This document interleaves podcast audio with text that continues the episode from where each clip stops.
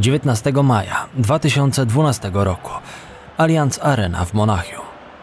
88 minuta finału Ligi Mistrzów pomiędzy Bayernem i Chelsea. Niemiecka drużyna prowadzi 1 do 0 po bramce Tomasa Mullera, która padła 5 minut wcześniej. Jeszcze tylko kilkaset sekund i Bawarczycy będą mogli się cieszyć ze zdobycia najważniejszego europejskiego trofeum klubowego. Wszak przed meczem byli zdecydowanym faworytem tego starcia. W dodatku mecz finałowy był rozgrywany na ich domowym stadionie. Wielu kibiców zgromadzonych tego sobotniego wieczora na monachijskiej arenie było święcie przekonanych o tym, że podopiecznym Jupa Hinkesa nie może stać się w tym meczu już nic złego. Na boisku znajdował się jednak jeszcze ktoś, kto mocno wierzył w to, że losy tego meczu są możliwe do odwrócenia. W końcu okres 8 lat spędzonych w ekipie ze Stamford Bridge zasługiwał na to, by zwieńczyć tę piękną przygodę podarowaniem The Blues Pucharu Ligi Mistrzów.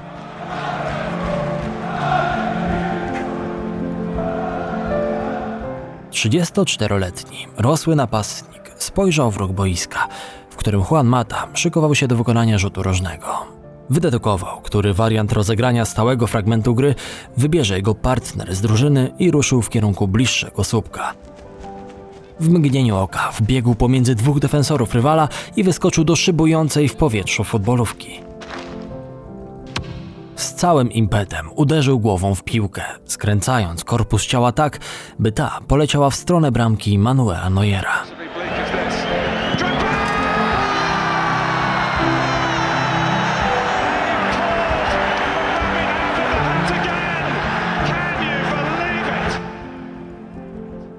Niemiecki golkiper zdołał jedynie musnąć okrągły pocisk, który ułamek sekundy później zatrzepotał w siatce za jego plecami. Odziany w niebieską koszulkę napastnik pobiegł w kierunku trybun i wylądował na kolanach. Spojrzał w niebo. Podziękował sile wyższej, która dała mu natchnienie, by podjąć w czasie minionej akcji właściwy wybór. Chwilę później speaker na Allianz Arenie zakomunikował zgromadzonej publiczności. Strzelcem wyrównującego gola dla Chelsea jest Didier Drogba. Ten mecz nie dobiegał jednak jeszcze końca. Pochodzący z wybrzeża Kości Słoniowej snajper zanurkował kilkanaście minut później w najciemniejszych odmętach własnej psychiki, kiedy to w czasie dogrywki portugalski arbiter Pedro Proenza podarował rywalom rzut karny po faulu Drogby na Franku Ribery.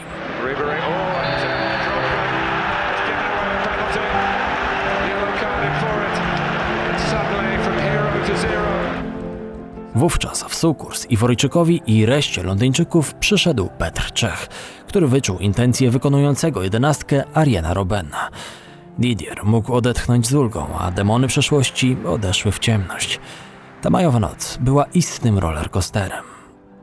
Ostateczne odkupienie rosłego napastnika miało miejsce w momencie, w którym osobiście wyegzekwował decydujący rzut karny w czasie konkursu jedenastek, zapewniając Chelsea jej największy międzynarodowy sukces.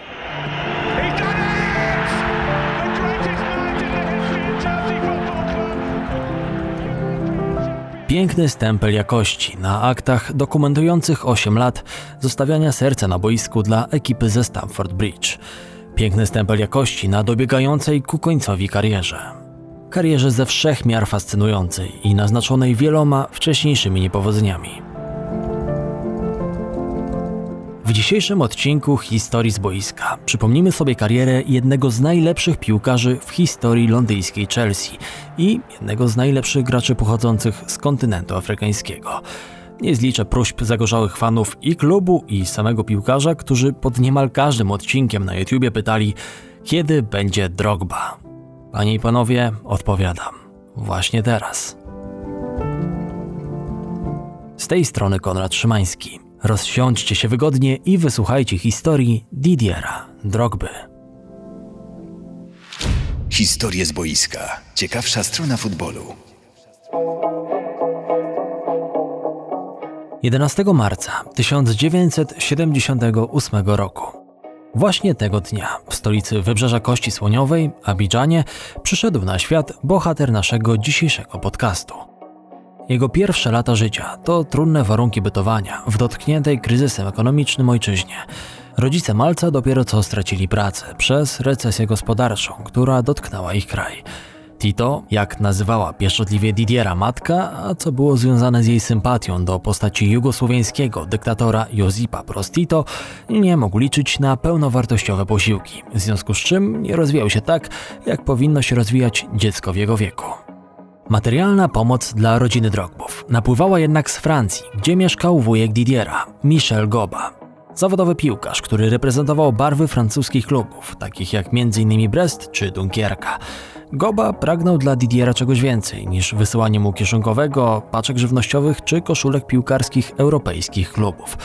Zaproponował rodzicom Drogby, że zabierze chłopaka ze sobą do Francji, co pozwoli mu odebrać odpowiednie wykształcenie i przysporzy większych perspektyw na przyszłość. Rodzice Tito rozumieli, że to ogromna szansa dla ich syna i z bólem serca przystali na ofertę Goby. Ze łzami w oczach wyprawili dzieciaka na stary kontynent, wsadzając go w samolot i wieszając tabliczkę informacyjną na szyi.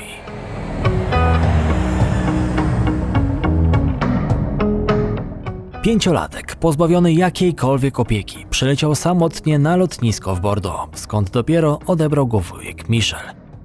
Z tak uzdolnionym piłkarsko opiekunem Didier mógł spędzać wolne od nauki chwile, kopiąc piłkę i marząc, że kiedyś, podobnie jak on, trafi do zawodowej drużyny.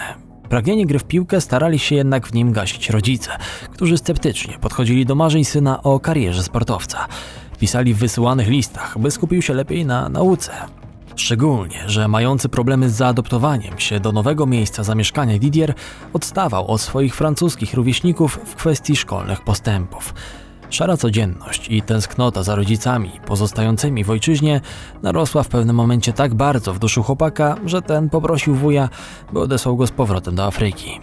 Jednakże beznadzieja panująca w abidżańskiej dzielnicy Jopugon sprawiła, że Didier niczym bumerang powrócił na garnuszek do Michela Goby.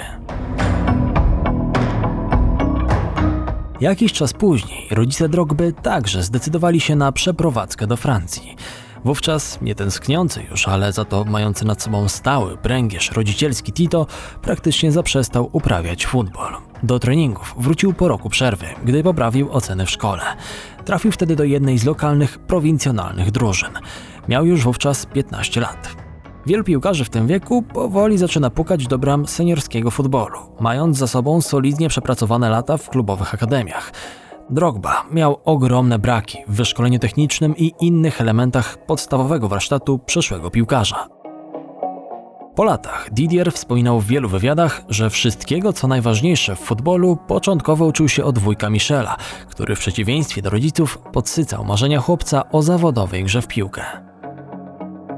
Kiedy zamieszkaliśmy w Dunkierce, zapisał mnie do młodzieżowej sekcji klubu. Każdego wieczora chodziliśmy na plażę, gdzie demonstrował mi wszelkie sztuczki piłkarskie. Uczył mnie rozmaitych trików, odpowiedniego wyczucia przy wyskoku, umiejętnego zastawiania piłki przed atakiem obrońcy. Kiedy widziałem go wyskakującego do główki, miałem wrażenie, że potrafi latać. Le Valois SC. Tak brzmiała nazwa zespołu, w którym Drogba w końcu miał zacząć regularne treningi. Przez lata spędzone we Francji okrzepł i nie przypominał już chrlawca, który biegał w za dużej koszulce po piaszczystych boiskach przedmieść Abidżanu. Do klubu trafiał wysoki i dobrze zbudowany młodzian. W zasadzie to było wówczas największym atutem piętnastolatka. Kulturą gry wyraźnie odstawał od nowych kolegów z drużyny.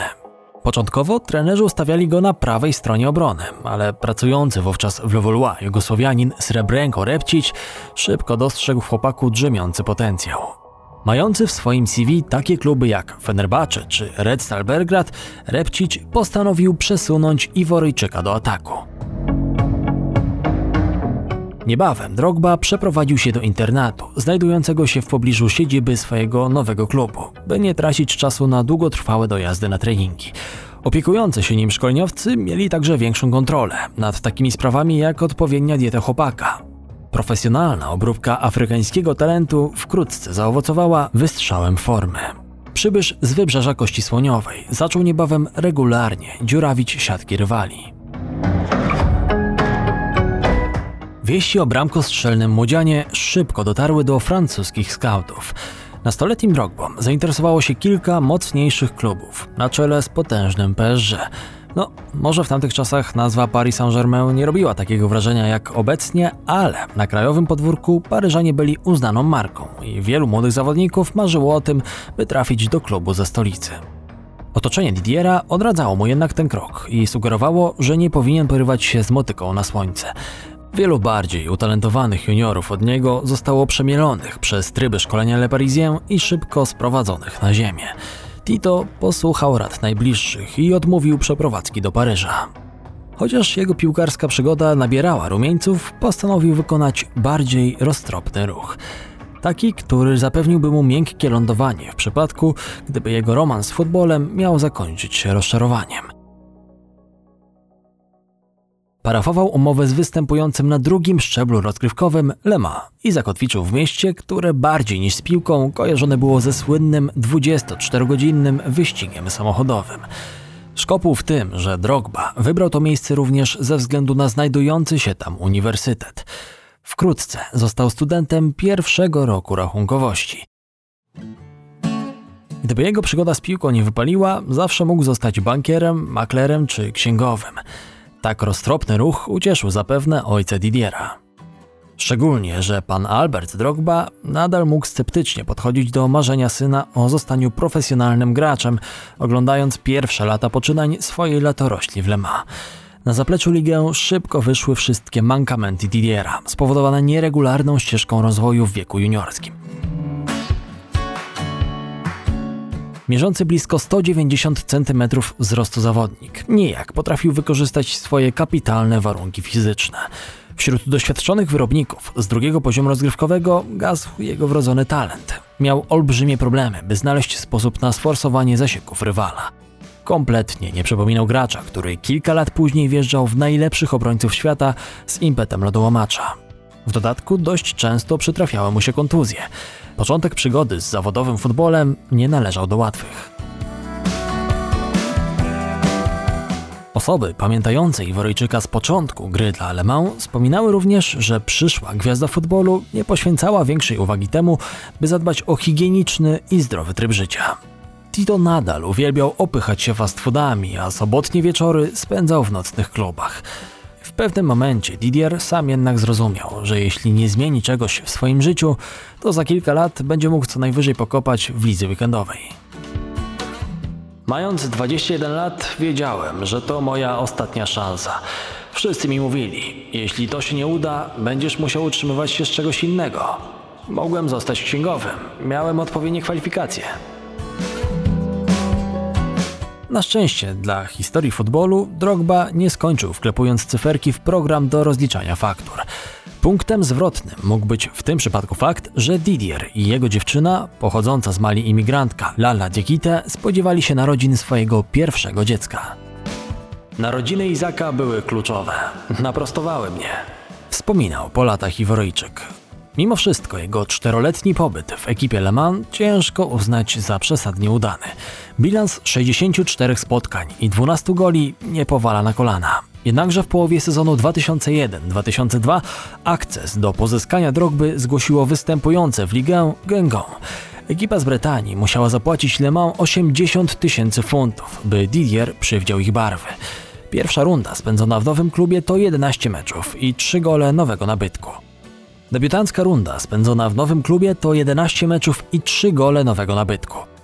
Pierwsze przetarcie z francuską ekstraklasą było jednak tylko przed smakiem bomby, którą miał wkrótce odpalić przybysz z Afryki. Jeśli działacze Gęgą nie byli początkowo przekonani do umiejętności byłego zawodnika Le Mans, to kolejna kampania nie pozostawiła żadnych złudzeń. Profesjonalne podejście Drogby do piłki nożnej w końcu zaowocowało. 17 goli strzelonych w lidze przez Iworojczyka walnie przyczyniło się do zajęcia przez Gęgą siódmego miejsca w tabeli. Didier wespół z Florentem Maludą zostali największymi gwiazdami tego skromnego klubu z Brytanii i tym samym zapracowali na transfery do ekip walczących o najwyższe pozycje w kraju.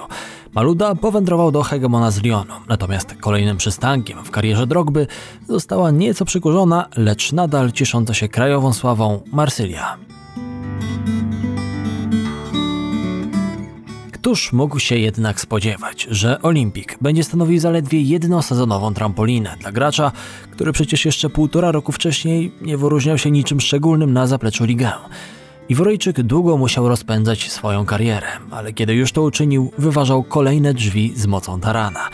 Latem 2004 roku, po zaledwie jednej kampanii spędzonej w barwach Olimpik, Marsylia stała się dla niego zwyczajnie za ciasna. Był niekwestionowaną gwiazdą klubu, który w lidze zajął dopiero siódme miejsce. Nie pomogło 19 goli strzelonych przez Drogbę, który dodatkowo został wybrany zawodnikiem sezonu w lidze francuskiej. Eksperci zachwycali się nad jego umiejętnościami, określając jego talent jako skrzyżowanie George'a Weah i Jean-Pierre'a Papin. Kolejne 11 goli Didier dorzucił w rozgrywkach międzynarodowych, co przełożyło się na awans Olimpik do finału Pucharu UEFA, gdzie jednak Marselczycy musieli uznać wyższość Walencji. Didier w zaledwie kilka lat z Obiboka, marnującego swój talent, przeistoczył się w jedno z najgorętszych nazwisk na rynku transferowym. Piłkarza, którego w swoich szeregach chciały widzieć największe europejskie marki. Parol na napastniku Marsylii jako pierwsi zagięli działacze londyńskiej Chelsea. Rozpoczynający swoją pracę na Stamford Bridge José Mourinho był fanem talentu Iworyjczyka. W dodatku The Blues, napędzani fortuną Romana Abramowicza, uchodzili wówczas w piłkarskim środowisku za klub, z którym nikt nie mógł sobie pozwolić na rywalizację na poziomie finansowym. Na konto Marsylii zostały przelane 24 miliony funtów, a pamiętajmy, że mówimy o piłkarzu, który miał wówczas za sobą udane zaledwie dwa sezony. Jednakże mu był zdeterminowany. Był pod wrażeniem talentu Drogby od momentu, gdy trenowane przez niego FC Porto zagrało w Lidze Mistrzów z Marsylią. Po tamtym meczu miał podejść do Tito i zakomunikować mu. Gdy obejmę któryś z wielkich klubów, będziesz pierwszym zawodnikiem, którego do siebie sprowadzę. Tak też uczynił. Drogba z miejsca stał się ważnym żołnierzem w kompanii portugalskiego generała. The Special One szybko uświadomił swojemu nowemu piłkarzowi, że w Chelsea nie będzie traktowany jak alfa i omega. A jeśli nie podporządkuje się wymogom gry, w której najważniejsze jest dobro drużyny, a nie indywidualne popisy, to może wracać za kanał La Manche. Drogba, ujęty kwiecistą mową mu, szybko zaakceptował reguły gry narzucone przez nowego menadżera. Współpraca między nimi układała się wzorcowo. Wspólnie sięgnęli po dwa tytuły mistrza Anglii. Tytuły, na które miejscowi fani musieli czekać pół wieku. Napompowana pieniędzmi Abramowicza Chelsea z miejsca stała się ligowym potentatem. Oczywiście pieniądze to jedno. Potrzebny był jeszcze człowiek, który zbierze odpowiednich piłkarzy i zrobi z nich drużynę, a nie zlepek indywidualności. Młody portugalski szkoleniowiec kapitalnie zrealizował powierzone mu zadanie. The Special One wykazał się też świetną intuicją w przypadku selekcji żołnierzy, którzy mieli pociągnąć The Blues do sukcesów na froncie Premier League. Czy Tito był jego najlepszym ruchem transferowym? Na ten temat każdy może mieć swoje własne, subiektywne zdanie. Ale na korzyść Iworyjczyka powinien przemawiać fakt, że zakotwiczył na Stamford Bridge o wiele dłużej niż Mourinho, stając się w oczach wielu kibiców klubową legendą. Prazusiem walczącym o każdy centymetr boiska. Bestią, której bali się wejść w drogę wszyscy obrońcy. W dodatku był piłkarzem wszechstronnym i efektywnym. Potrafił zarówno sięgnąć po koronę króla strzelców Premier League, jak i wygrać klasyfikację dla najlepszych asystentów. Od 2002 roku Didier był też dumnym reprezentantem Wybrzeża Kości Słoniowej. Spełniał rolę boiskowego lidera w drużynie, która awansowała na mundial w 2006 roku. Bracia Toure, Emmanuel Ebue czy Salomon Kalou. Skład Słoni był w tamtym czasie wypełniony graczami, którzy reprezentowali silne europejskie kluby. Ta mieszanka wybuchowa dała swojemu krajowi możliwość zaprezentowania się po raz pierwszy na światowym czempionacie. Historie z boiska. Ciekawsza strona futbolu.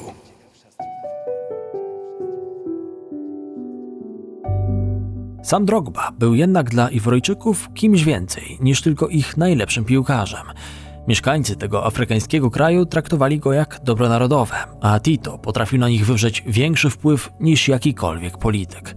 Tak było po awansie na wspomniane Mistrzostwa Świata w Niemczech. Po ostatnim meczu eliminacyjnym piłkarz Chelsea chwycił telewizyjny mikrofon i wygłosił płomienną odezwę do narodu, który od kilku lat był trawiony wojną domową. I mężczyźni z wybrzeża Kości Słoniowej, z południa, z północy, ze wschodu i z zachodu. Nasza drużyna udowodniła dzisiaj, że możemy wszyscy koegzystować. Zagraliśmy razem i łączył nas wspólny cel awans na Mistrzostwa Świata. Obiecywaliśmy Wam, że świętowanie naszego awansu zjednoczy cały naród. Dzisiaj Was błagamy. Błagamy na kolanach. Przebaczcie. Przebaczcie, afrykańskie państwo z taką ilością zasobów nie musi pogrążać się w wojnie. Błagam, odłóżcie broń. Przeprowadźcie wybory, wszystko się poprawi. My chcemy się teraz bawić, a wy przestańcie do siebie strzelać.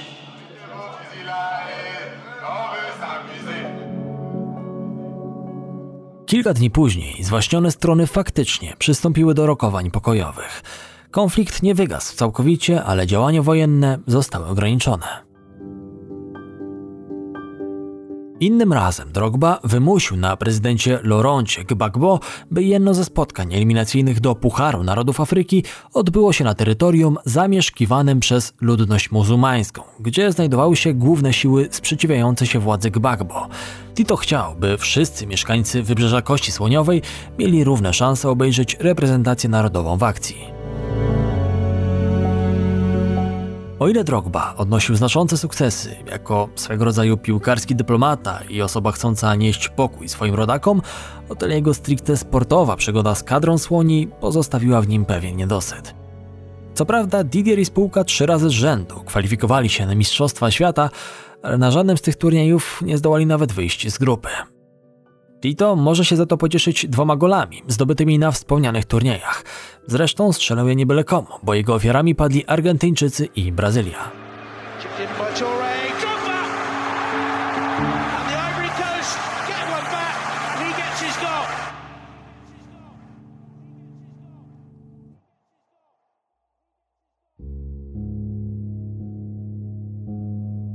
Niepowodzeniem zakończyło się także jego pięć prób podboju Afryki. Najbliżej triumfu w Pucharze Narodów Afryki był w 2006 i 2012 roku.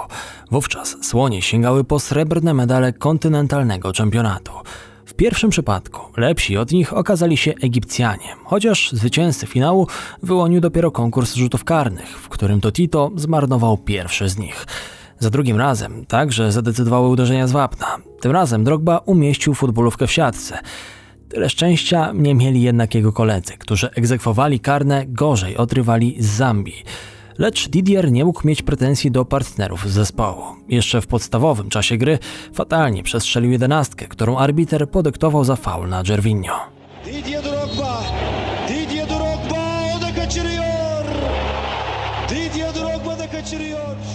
Pewnego rodzaju chichotem losu może być fakt, że słonie zdołały sięgnąć po Mistrzostwo Afryki rok po zakończeniu kariery reprezentacyjnej przez swojego najlepszego zawodnika. Bilans Tito zamknął się na 105 występach i 65 golach zdobytych dla swojej ojczyzny, dzięki czemu jest najskuteczniejszym strzelcem w historii kadry Wybrzeża. Drogba został także dwukrotnie wybrany najlepszym afrykańskim graczem roku. Czy to możliwe, że tak wspaniały zawodnik spalał się w meczach o stawkę rozgrywanych przez swoją reprezentację? Czy presja związana z meczami klubowymi była mniej stresująca niż ciężar gry w barwach narodowych? W Chelsea Iwryjczyk był otoczony kolegami, którzy w ciężkich momentach potrafili wziąć grę na siebie. W kadrze oczy całego kraju przez pełne 90 minut wodziły tylko za nim, oczekując cudów. Zresztą, pierwszy rozdział pod nazwą Chelsea także nieomal zakończył się klęską, jeśli chodzi o rozgrywki międzynarodowe. The Blues przez lata nie potrafili postawić kropki nad i, choć taśmowo zgarniali krajowe trofea. Drogba mógł się pochwalić trzema tytułami mistrza Anglii, czterema FA Cup, dwoma pucharami ligi i dwoma tarczami dobroczynności, ale brak triumfu w Lidze Mistrzów z pewnością mu doskwierał. Londyńczycy cierpieli na chorobę, która obecnie dotyka Manchester City. I w pewnym momencie Iwryjczyk mógł pomyśleć, że Liga Mistrzów jest dla niego takim samym przekleństwem jak rozgrywki reprezentacyjne. W czasie pamiętnego moskiewskiego finału w 2008 roku, kiedy to Chelsea mierzyła się z Manchester United, Drogba nie doczekał nawet serii rzutów karnych, wylatując z boiska 4 minuty przed końcem dogrywki za uderzenie w twarz Nemani Vidicia. Drogba becomes only the second player to be sent off in the final of this competition. Kolejny sezon to kontrowersyjny półfinałowy dwumecz The Blues z Barceloną, kiedy to emocje sięgnęły zenitu po zakończeniu meczu rewanżowego. Wielu z Was zapewne utkwił w pamięci obraz Didiera Drogby, który krąży wokół norweskiego arbitra Toma Henninga Ovrebo i siłą odciągany przez kolegów z drużyny rzuca mu w twarz, co o nim sądzi, by na zakończenie krzyknąć wprost do kamery. W ten oto sposób Tito odreagował wylewającą się z niego złość i żal do sędziego, który zdaniem całej londyńskiej drużyny skrzywdził wówczas Chelsea swoimi błędnymi decyzjami i stanął jej na drodze do awansu. Oczyszczenie nadeszło dopiero we wspomnianym następie finale z 2012 roku. Na sam koniec ośmioletniej przygody Iworyjczyka z The Blues. Półfinałowy gol z Barceloną, który przyczynił się do awansu, mógł ukoić ból przegranego dwumeczu sprzed trzech lat i dać poczucie dokonania symbolicznej zemsty na Katalończykach. Strzelony decydujący karny w spotkaniu z Bayernem zamazać smutny obraz jedenastek pudłowanych w czasie Pucharu Narodów Afryki.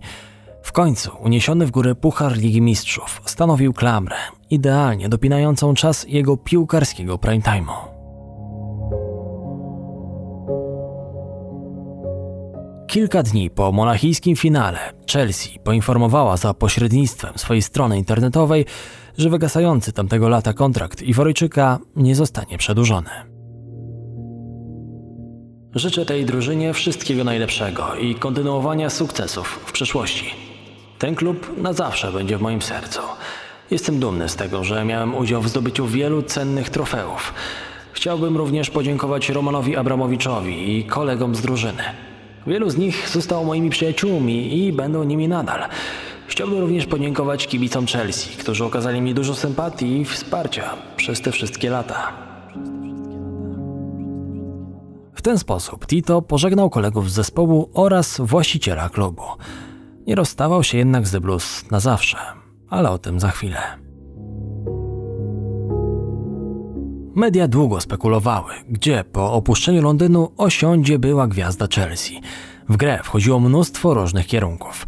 Od Realu Madryt przez Malagę, kończąc na przeżywającej wówczas swoje 5 minut dagestańskiej Andrze Mahaczkale, gdzie zakotwiczyła już inna afrykańska gwiazda, Samuel Eto.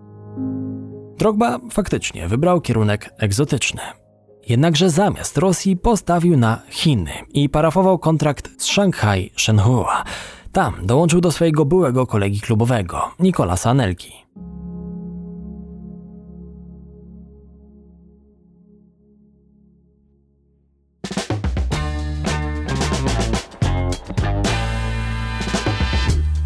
Przygoda za Wielkim Murem potrwała zaledwie pół roku. Przez ten czas Tito zdążył zagrać 11 razy i strzelił 8 goli, ale ekipa Szanghaju miała problemy z wypłacalnością, w związku z czym Didier postanowił przenieść się bliżej Europy.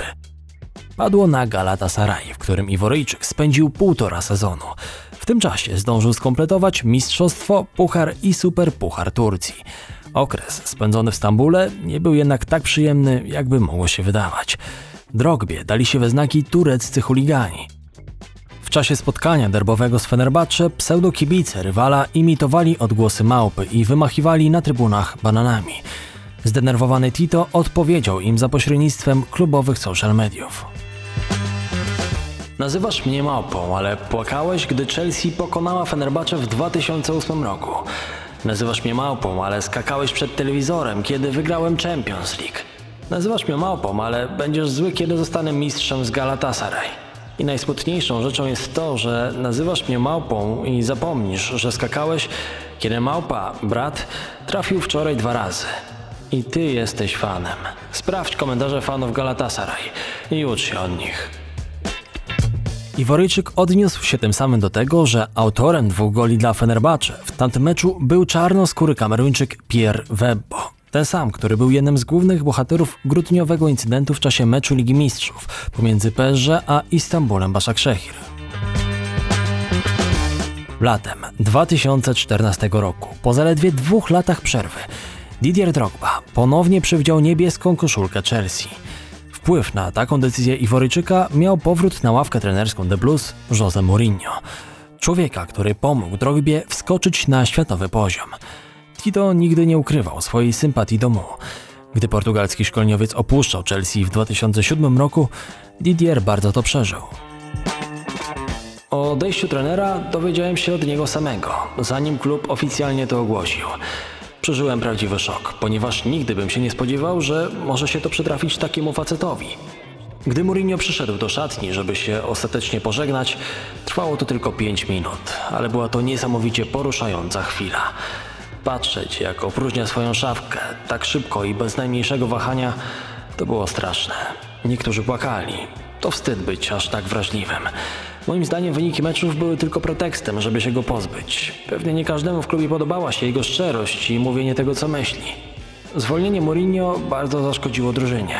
Do tej pory nie wiem, dlaczego zmieniliśmy trenera zaledwie miesiąc po rozpoczęciu rozgrywek. Źle to wszystko przyjąłem i pewnie włożyłem za wiele emocji w relacje z trenerem. Wspominał tamte chwile były reprezentant Wybrzeża Kości Słoniowej. The Special One tak komentował ponowne ściągnięcie na Stamford Bridge dwukrotnego króla strzelców Premier League. Przychodzi do nas, bo jest jednym z najlepszych napastników w Europie.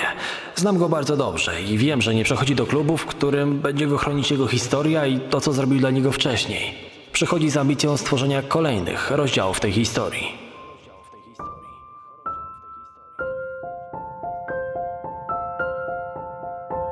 Ciężko już było wówczas oczekiwać od 36-letniego snajpera, że znów zacznie brać grę na siebie i aspirować do roli głównego aktora na boisku. Jednakże jego boiskowe doświadczenie oraz mądrość, którą mógł wnieść do szatni, była dla zespołu Mourinho nieoceniona. W całym sezonie wystąpił w niebieskim trykocie 40 razy i zdobył 7 goli. Dołożył tym samym solidną cegiełkę do swojego czwartego mistrzostwa w barwach Chelsea. Piękna puenta na zakończenie przygody z The Blues i swoisty pożegnalny tour w barwach klubu, który stworzył z Tito supergwiazdę piłkarskich boisk.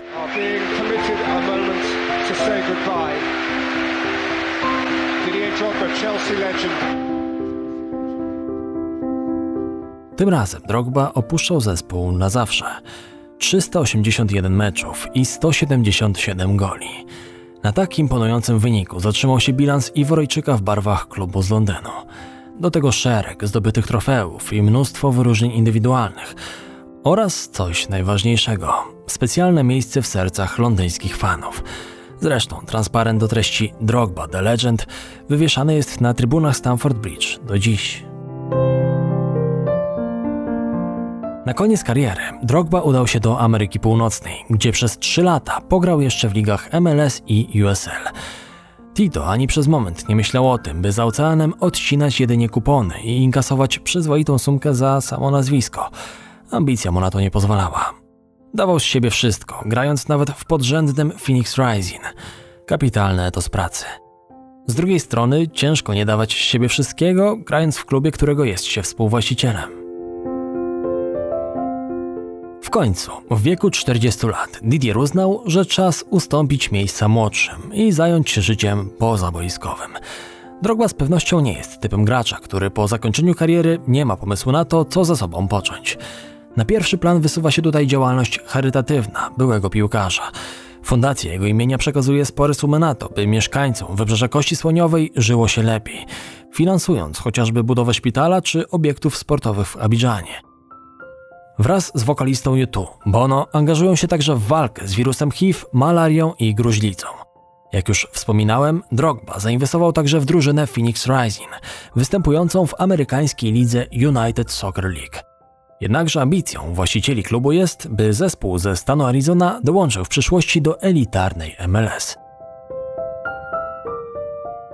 Oczach wielu obserwatorów Didier Drogba ma wszelkie predyspozycje do tego, by w przyszłości podążyć drogą wyznaczoną przez inną gwiazdę futbolu rodem z Czarnego Lądu, Liberyjczyka George'a Weah i objąć urząd głowy państwa swojej ojczyźnie.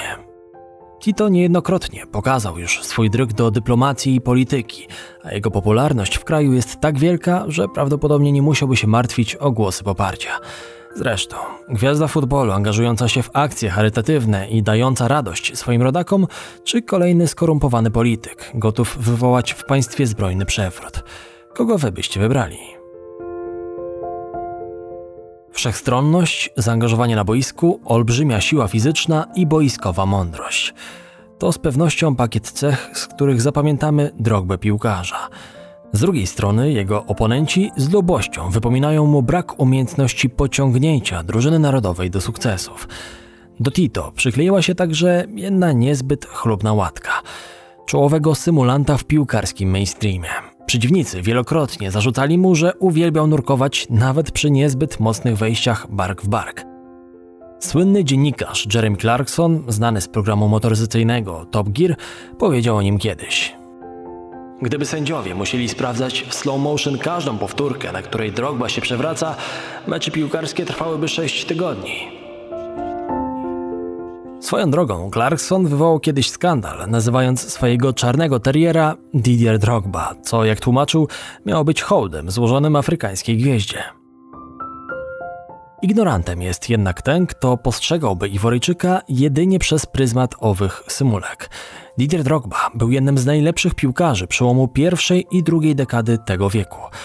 Na zakończenie oddajmy głos Carlo Ancelottiemu, który był opiekunem Chelsea w sezonie 2009-2010, kiedy to The Blues sięgali po Mistrzostwo Anglii, a Drogba po koronę króla strzelców Ligi Angielskiej. Są liderzy, którzy dużo gadają. Drogba też potrafi to robić przed meczami, ale podczas spotkania przewodzi swoim kolegom dzięki sposobowi gry. To się działo od początku mojej pracy na Stamford. Nie musiałem go o to prosić. Od razu taki był. Wiem, że niektórzy widzą go jako primadonnę, ale między primadonną a liderem jest tylko centymetr różnicy. Lider używa swojego talentu dla drużyny, primadonna dla siebie. Drogba nigdy nie grał pod siebie. Przypomina mi największych piłkarzy w historii. Jeśli się dobrze czuje, jeśli ma pewność siebie, nikt nie jest w stanie go zatrzymać. Drodzy słuchacze, czekam na Wasze komentarze na YouTube. Z czym Wam kojarzy się Didier Drogba? Z jakim meczem, czy z jaką konkretną sytuacją? Z pewnością wiele z nich wymieniłem w tym podcaście, ale może jest jeszcze coś innego. Z miłą chęcią przeczytam Wasze komentarze i Wasze wspomnienia tego wybitnego piłkarza.